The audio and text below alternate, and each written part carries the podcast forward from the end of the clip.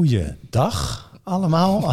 voor alle luisteraars, voor alle kijkers. En vooral uh, onze gast René. Voor uh, het tweede gedeelte van, uh, van de Ondernemerstalk podcast. En van jouw aflevering. Uh, dank welkom René. Dank, dank. Wat leuk. Wat leuk. Alweer wat leuk. dat is natuurlijk afhankelijk of wat dat iemand beide afleveringen luistert of alleen deze. Dus nou ja. Ja, goed, dat precies. is waar. Oh ja, welkom. Dus ja, ja, welkom ja. inderdaad. hey René, in, in uh, um, het eerste gedeelte um, ja, heb jij ons meegenomen hè, in jouw pad naar het ondernemerschap toe. Vooral ook het gedeelte, ja, ik noem het dan even het sociaal ondernemerschap, zoals je het zelf ook, uh, ook noemde. Wat is ontstaan uh, mede vanuit uh, um, ja, wat je thuis hebt ervaren. Hè, de, met je vrouw en je dochter, met, die, die, ja, met hun autisme. Hè, mm -hmm. Ja, leren omgaan, is dat het goede woord? Ja, denk het wel. Ja, ja, ja weet ja? je, en, of het autisme is of iemand met, uh, die, die altijd in de rolstoel zit, je, je, je zal je aan moeten passen aan de situatie. Dus ja. het is leren omgaan. Okay, ja. En, en um, ja, we eindigden eigenlijk aan het einde van de vorige podcast hè, over de, de, ja, de inclusiviteit. Nou, dat is natuurlijk een, een ik, ik vind het dan op dit moment vind ik echt zo'n zo'n modewoord aan het worden, omdat ja. iedereen roept ja. en vindt we, ja. hè, we moeten inclusief zijn. Ja. Wat ik bij jou heel mooi vind in jouw verhaal is, bij jou komt die van binnenuit. Hè? Dus, dus het is niet vanuit het hoofd bedacht, we moeten, hè, we moeten inclusief zijn, maar bij jou zit het er echt in. Waar ik dan wel benieuwd naar ben, hè, als je, goed, er zijn natuurlijk ondernemers die nu luisteren en die zeggen van ja goed, ja, bij mij zit dat er misschien wel diep van binnen, maar ik weet niet zo goed hoe. Of ja, ik, ik ervaar dat ik wel iets hè, meer met inclusiviteit zou moeten. Of als je ziet naar de opbouw van de samenleving, is inclusiviteit hè, is überhaupt al een, een onderwerp. Kan je eens meenemen wat, wat uh, jij ervaart in jouw ondernemerschap, wat die inclusiviteit jou brengt? Wauw, inclusiviteit brengt eigenlijk verschrikkelijk veel. Ik merk steeds meer, uh, want ik ben nooit begonnen met het idee van, joh, ik ga eens even lekker inclusief zijn. Mm -hmm. Of ik ga eens even al die mensen met autisme eventjes bij mij binnenbrengen en, even, en dat even allemaal fixen. Ik ben heel erg, en, en, maar dat merk je pas achteraf van hoe je daarin staat. Uh, ik ben eigenlijk uh, heel erg aan het kijken naar in iedereen, dus niet alleen maar mijn medewerkers, maar gewoon alle mensen om me heen, van joh, wat kun jij? Niet kijken naar de beperkingen die mensen hebben.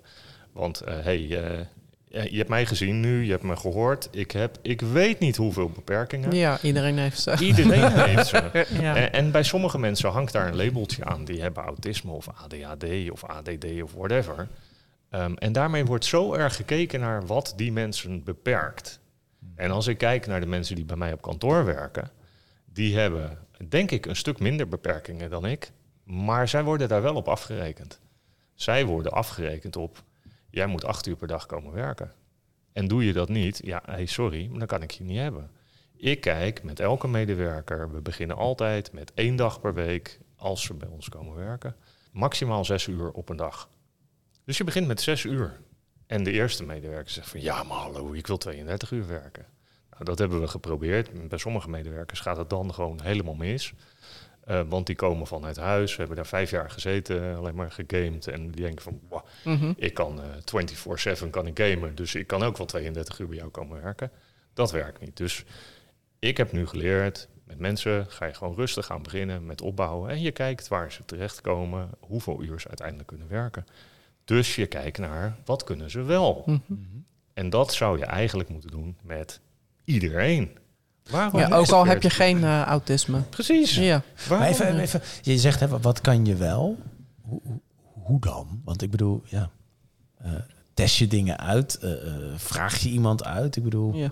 Hoe kom je daarachter? Hoe kom je daarachter? Dat is eigenlijk je vraag. Ja, ja. ja. ja weet je wat leuk is? Die medewerkers met autisme of zonder autisme, daar kun je mee praten. Oh? En, en wat heel leuk is, is dat je door te praten met mensen open te zijn over dingen. Dat je dingen hoort van mensen die zeggen van... hé, hey, maar ik heb hier eigenlijk wel last van. En ik loop daar eigenlijk tegenaan. Mm -hmm. En dat zou je met iedere medewerker kunnen doen. Je zou in ieder bedrijf met iemand kunnen gaan praten. En, en ik snap, werkgevers zijn al heel erg bang natuurlijk. Van nou, als ik aan jou ga vragen van... joh, hoeveel uur zou jij kunnen werken op een dag? Mm -hmm. Dat zou medewerkers Vijf uur. Nou ja, maximaal. Ja. Of misschien ja. eigenlijk maar twee. Ja. Maar dat is niet waar. Mensen willen veel meer mensen zijn zo erg gedreven, die willen laten zien wat ze allemaal wel kunnen. Dat ze eerder zeggen dat ze veel meer kunnen en mhm. zouden gaan werken. Mhm. Dan, dan dat de werk, waar de werkgever bang voor is. Dus het is heel erg een angstcultuur waar we, waar we in leven. Ik denk dat als de gemiddelde werkgever nou eens gewoon met zijn werknemer zou praten. Uh, en dan hoeft dat niet op de manier zoals ik dat met mijn, met mijn werknemers doe. Want ik ken mijn werknemers echt nou, bijna door en door. Maar als je gewoon meer contact zou hebben met je werknemers, is gewoon met ze zou praten. Alsof het je kinderen zijn of alsof het een bekende is. Uh, dan leer je veel meer van wat, wat zijn de behoeftes van mensen. Want ik ben op met mijn werknemers. We hebben net een verbouwing gehad op kantoor. we hebben een, mooie uh, geluidsdempende vloer nu liggen. Alles erop gericht om mensen zo min mogelijk prikkels te geven. Mm. Dus nou, de, de, worden de bureaus worden op een andere plek gezet. Maar ik ga met mijn werknemers dan door het kantoor lopen, mhm. vragen: waar wil jij straks zitten? Wat vind je een fijne plek? Wat vind je een fijne plek? En de ene zegt, ik wil bij de deur, want sommige mensen hebben vluchtgedrag. Ah, ja. Daar kan je, kan je bijna niks bij voorstellen. Sommige mensen willen juist ergens in een hoekje zitten, zodat ze veilig zitten. Maar dat hebben mensen met autisme. Maar dat hebben, denk ik, mhm. andere werknemers ook. Ik voel me op de ene werkplek ook veel lekkerder dan de andere. Ja. Maar is jou ooit gevraagd waar jij zou willen zitten binnen een kantoor? Mij nooit.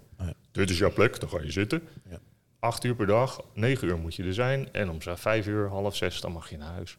Ik vraag aan mijn werknemers, ben je een ochtendmens, ben je middagmens, avondmens? Wanneer wil je komen werken? Mm Sommigen beginnen om half acht.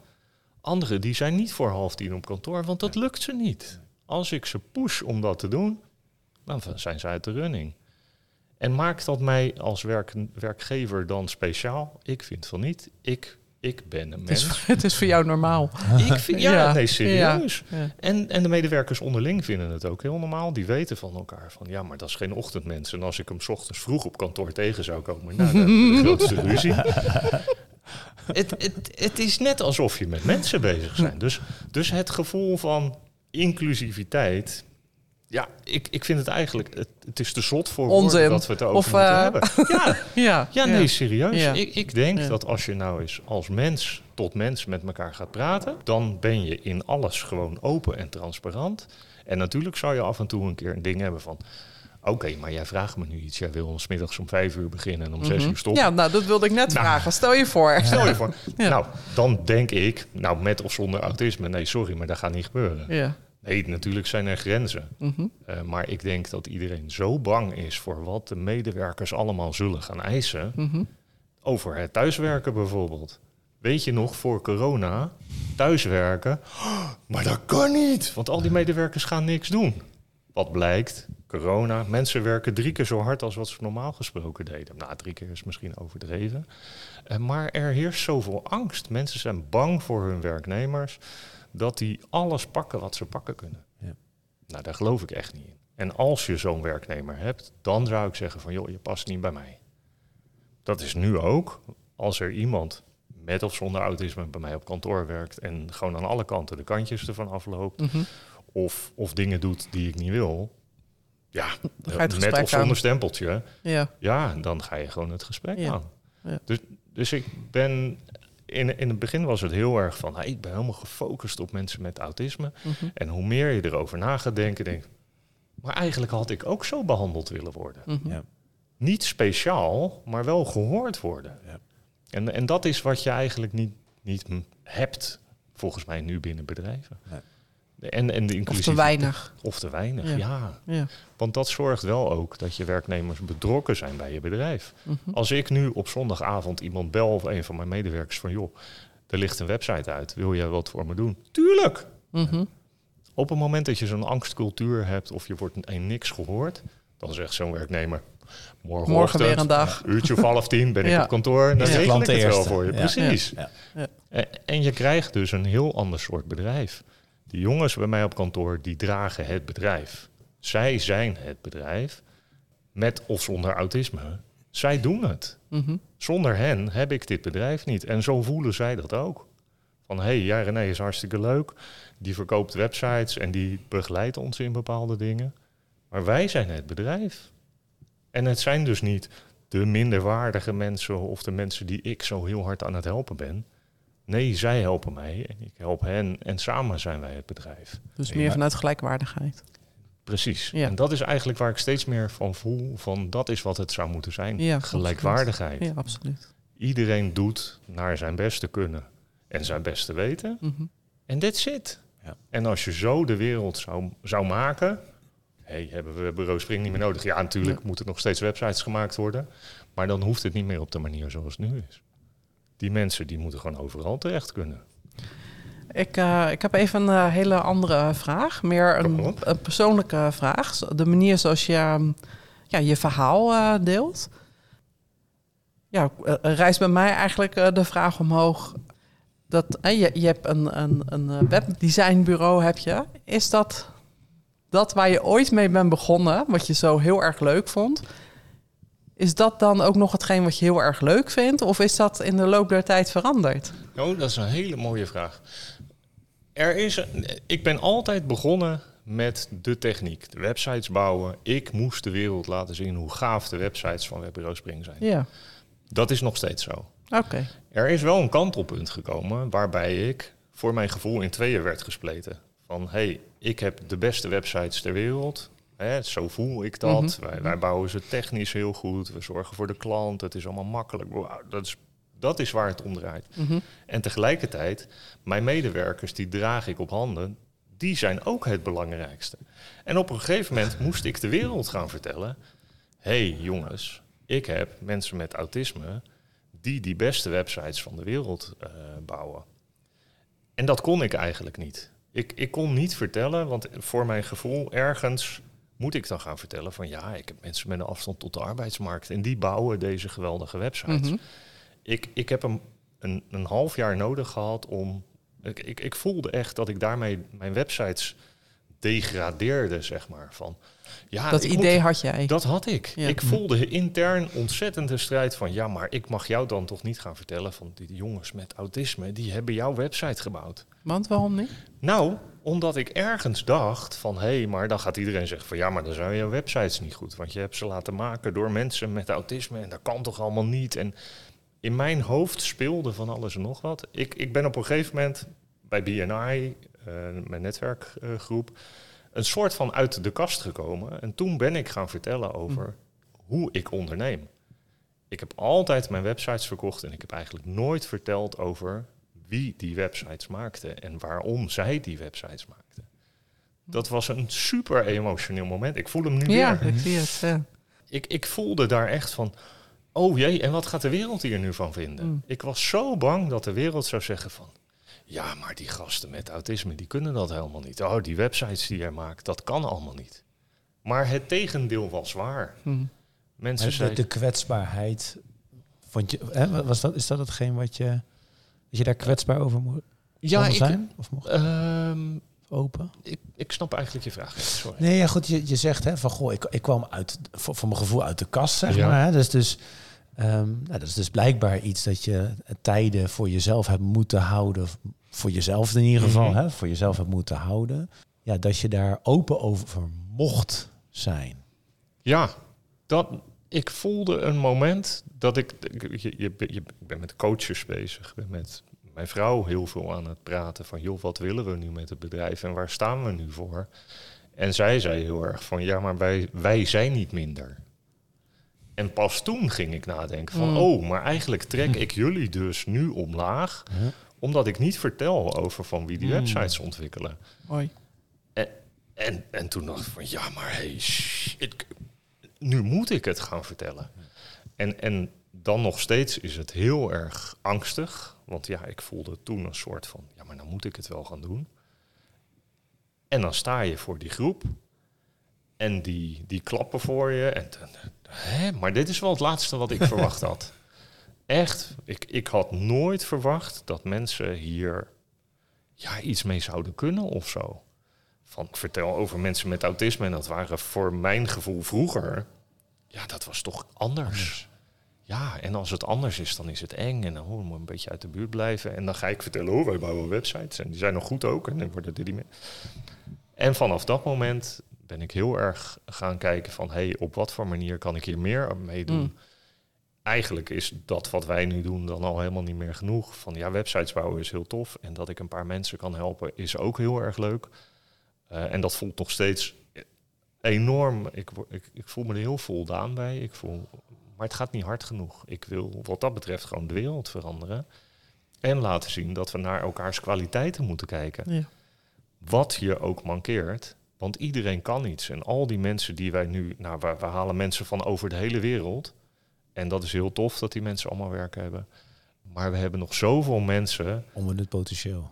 Precies dat. Ik was aan het zoeken naar het woord. Onbenut potentieel. Gewoon thuis zitten. En die mensen die zijn echt... Die worden echt niet gelukkig van 24 uur per dag gamen. Als ik zie wat... Uh, ik, heb bij mij Sean op het werk werken.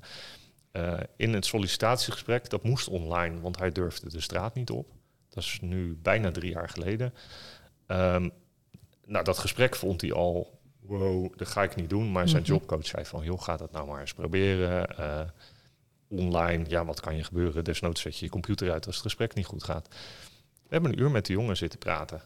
Heel leuk gesprek, super relaxte gast. Maar gamede alleen maar. En verder had hij eigenlijk helemaal niks met computers. Nou, weet je, het gesprek voelde goed. Hebben gevraagd van, joh, kom een keertje op kantoor. Werd hij gebracht en hij kwam op kantoor en dat voelde goed. Oh, ik wil hier eigenlijk wel werken. Hm. Zeg, nou wat kun je? Ja, ik kan een beetje dit en ik kan een beetje dat. Ehm, en die is vanaf dat moment bijna dagelijks naar kantoor gekomen met de trein. Uh, met zijn vriendin aan de telefoon. Die, die hielp hem met de trein om met de trein hm. naar kantoor te komen. Kantoor was ook zijn veilige bubbel, dus daar kon hij gewoon zijn ding doen. En die jongen, krijg je kippenvel van, hm. ga, ga even goed zitten. Die jongen die dus drie jaar lang uh, met lood in zijn schoenen naar kantoor kwam, die is naar uh, de Filipijnen naar zijn vriendin geweest afgelopen oh, wow. maand. een maand geleden. Zijn vriendin, hij kent er van online. Filipijnen, denk je van, oh, dat zal wel. Super tof voor mij. Daar heeft hij al acht jaar contact mee. Uh, daar is hij naartoe geweest. Hij, die anders denk ik gewoon nu nog steeds achter zijn computer had gezeten. En nou, hiermee wil ik niet mezelf op mijn schouder kloppen, maar ik wil vooral vertellen van, hey, wat heb ik gedaan? Ik heb met die jongen gepraat. Ik heb hem een kans gegeven. Hij is ook begonnen met zes uur per week werken.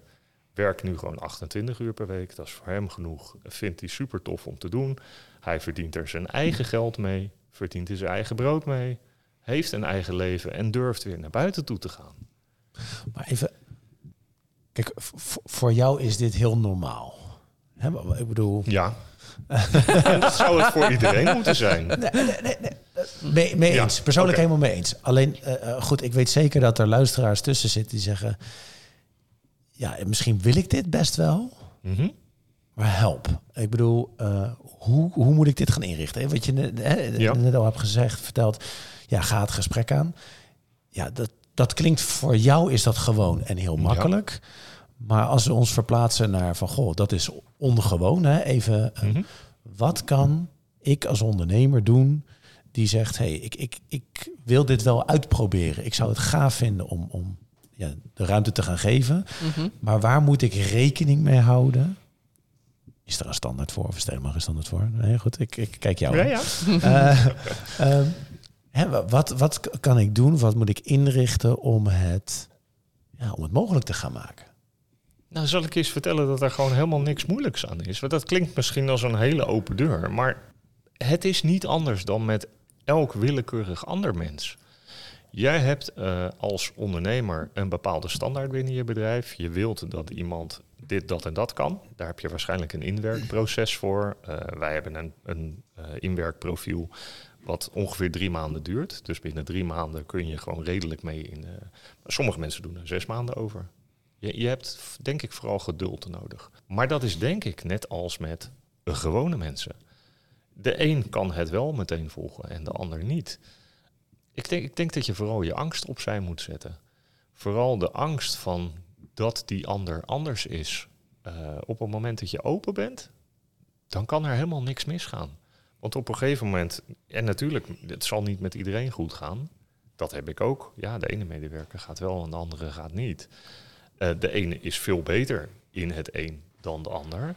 Eh, maar samen maak je het bedrijf. Juist door de diversiteit binnen je bedrijf zorg je ervoor dat iedereen op zijn eigen plekje terechtkomt. Eigenlijk zeg je, maak geen verschil. Het, Eigenlijk, ja, dat, is wat ik mhm. vooral eruit haal. Maak mhm. geen verschil en accepteer dat... dat doe, doe niet iemand vanwege zijn, zijn, zijn stempeltje veroordelen, maar ja, kijk gewoon naar de mogelijkheden die iemand heeft. Ik denk echt dat het zo makkelijk is.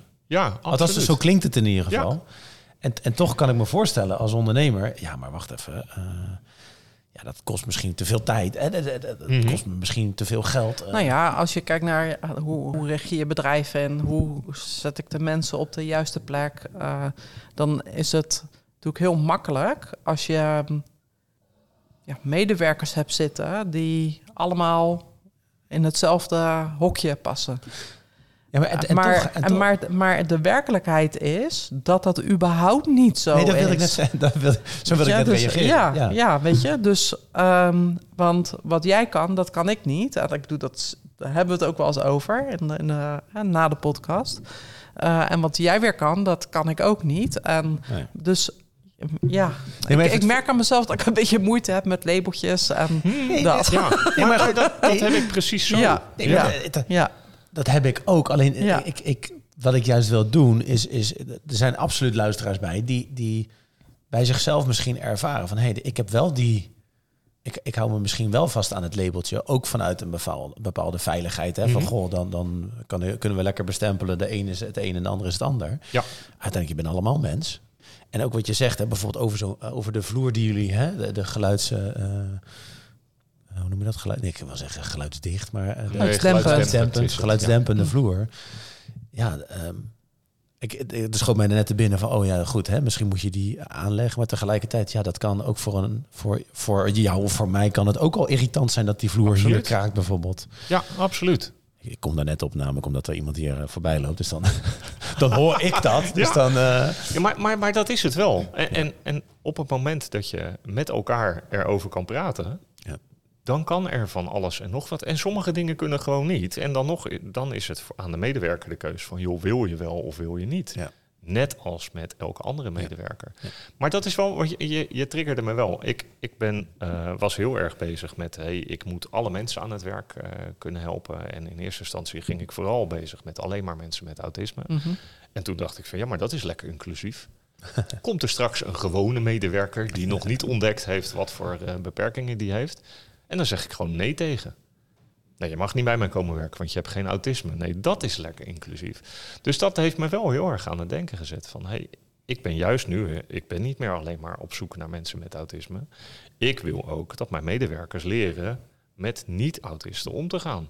Dus ik wil juist zorgen dat er een heel divers uh, bedrijf komt.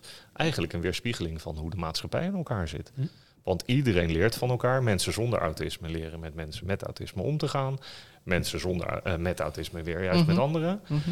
En zo zou het gewoon de maatschappij moeten kunnen zijn. Want ja, op straat, iedereen die je tegenkomt, heb jij die labeltjes gezien? Ik nog nooit. En af en toe kom je iemand tegen die zegt, ik heb autisme. Dat zeggen ze niet gewoon bij de Albert Heijn. In de maatschappij gebeurt het natuurlijk volop op dit moment. Ja, absoluut. Ja, dat klopt. Ja, en waarom? Angst. Ja, het is de angst. Mensen. Eigenlijk wil ik iedereen kijkers thuis, uitnodigen als je ergens maar half twijfelt, of een beetje twijfelt, of whatever, kom alsjeblieft naar me toe. Ehm, hmm. Ik wil heel graag mensen vertellen van, hé, hey, het hoeft allemaal niet zo, zo angstig en, en vervelend en groots en zo te zijn. Nee, helemaal niet. En er zijn vanuit de overheid uh, financiële prikkels die je kunnen helpen. Dus als je iemand uh, aanneemt die een afstand tot, heeft tot de arbeidsmarkt, kun je daar loonkostensubsidie en ik weet niet wat allemaal voor krijgen. Die vloer bij mij op kantoor trouwens, die is helemaal gesubsidieerd. Dus ook die kosten. Als het de kosten zijn waar je mee zit, heel veel kan vanuit UWV en gemeentes geregeld worden. Daarmee kan je niet meteen je bedrijf draaien, uh, maar het kan je wel helpen over die angst heen. Mensen, uh, als je bang bent dat die mensen heel veel ziek zijn, er is een, ik weet niet hoe die regeling heet, maar op het moment dat mensen ziek zijn, wordt dat ook door het UWV betaald. Dus je hoeft er niet eens een ziektekostenverzekering voor te regelen. Als het de financiën zijn waar je bang voor bent, daar is heel veel voor geregeld. Als het iets anders is, kom alsjeblieft bij mij. misschien dat we eens kunnen praten. Van, Ik, hey, ik denk dat het uh, uh, allerbelangrijkste uh, hierin is hoe creëer je een veilige omgeving. Is Ja. denk ik als allereerste prioriteit. Absoluut. En dat hoef je niet speciaal voor deze mensen te doen. Dat hoor je eigenlijk, Ja. vind ik, voor iedereen te doen. Dat zou het mooie zijn. Weet je, ik, ik gedij ook veel beter in een omgeving waar ik me veilig voel. In plaats van, hey, je moet dit, Uiteindelijk je moet dat. iedereen. Ja, Ja. iedereen, precies. En dat is waar ik steeds meer achter kom. Dat wat voor mij geldt, geldt voor iedereen met of zonder stempel. Dus we moeten niet meer naar stempeltjes kijken, maar naar kijken naar wat iedereen kan en wat mensen nodig hebben. Punt. Zo moeilijk is het niet. Dus eigenlijk kun je dit gesprek samenvatten is... kijk gewoon naar wat mensen kunnen. of is dat te kort door de bocht? Nou ja, je deed zelf al het, uh, het uh, aanzetje, maar uh, ik kreeg al een seintje Ja. van uh, Julian. Dus we Dat, gaan eh, inderdaad naar de afronding toe van deze aflevering. Zeker. Het is wel een aflevering met heel veel omgevingsgeluiden. Ja, Dat- inderdaad, ja. Echt typerend. Ik kan me niet meer concentreren. Wat gebeurt hier allemaal? Gaat dat altijd zo? Oh, het is wel echt kenmerkend. Ja, ja. Maar ik, ik Anders vind, is het altijd rustig. Ah, ja, ja, altijd. Nee. nee, maar ik vind, ik, ik, ik vind dat als afsluiting vind ik hem wel heel mooi. Eigenlijk wat je zegt. Hè, van goh, eh, kijk gewoon naar de mogelijkheden. Eh, eh, ga daar naar op zoek. Ga daar een gesprek over aan. En dat geldt voor ieder mens Ja, die bij je werkt, voor iedere medewerker. En, en juist vanuit dat gesprek ga dan kijken hoe kan je dat als werkgever inrichten. precies. Ehm, dus, dus ik denk dat dat een hele mooie, wat mij betreft, een hele Ja, mooie zeker. afsluiter is. Ja. Geweldig. Geen moeilijke vragen meer? Nee, ja, nou tijd ja, goed. Oh, René, we hebben nog Oh, heel veel moeilijke in vragen. nu. nou, eindelijk. Ja, maar ik heb altijd een uur nodig om op gang te komen. Een soort stoomlocomotief. Ja, maar eh, Nee hoor, als dit het was, is het goed. dat, eh, ontzettend bedankt, eh, René. En, Dank en, jullie. eh, ehm, ik vind het heel mooi dat je ehm, eigenlijk ook, ook de luisteraars probeert te motiveren slash activeren. Barrières probeert weg te nemen om eh, Ja. eh, eh, mensen vanuit allerlei verschillende achtergronden ook eh, te betrekken bij de organisatie. En eh, dat vind ik een hele mooie. Yes. Goed voor iedereen. Zeker. Dankjewel. Mhm. Dank Dankjewel. jullie wel. Dank voor je openheid, René. Graag gedaan. Dankjewel voor het luisteren naar de Ondernemerstalk podcast. Heb je een ondernemersvraag? Laat die achter in de comments, dan eh, komen we daar bij je op terug. En weet je een ondernemer die een inspirerend ondernemersverhaal eh, heeft? Laat het ook weten. Dan gaan we ons uiterst best doen om die hier uit te nodigen in de podcast. En voor nu, eh, tot volgende week.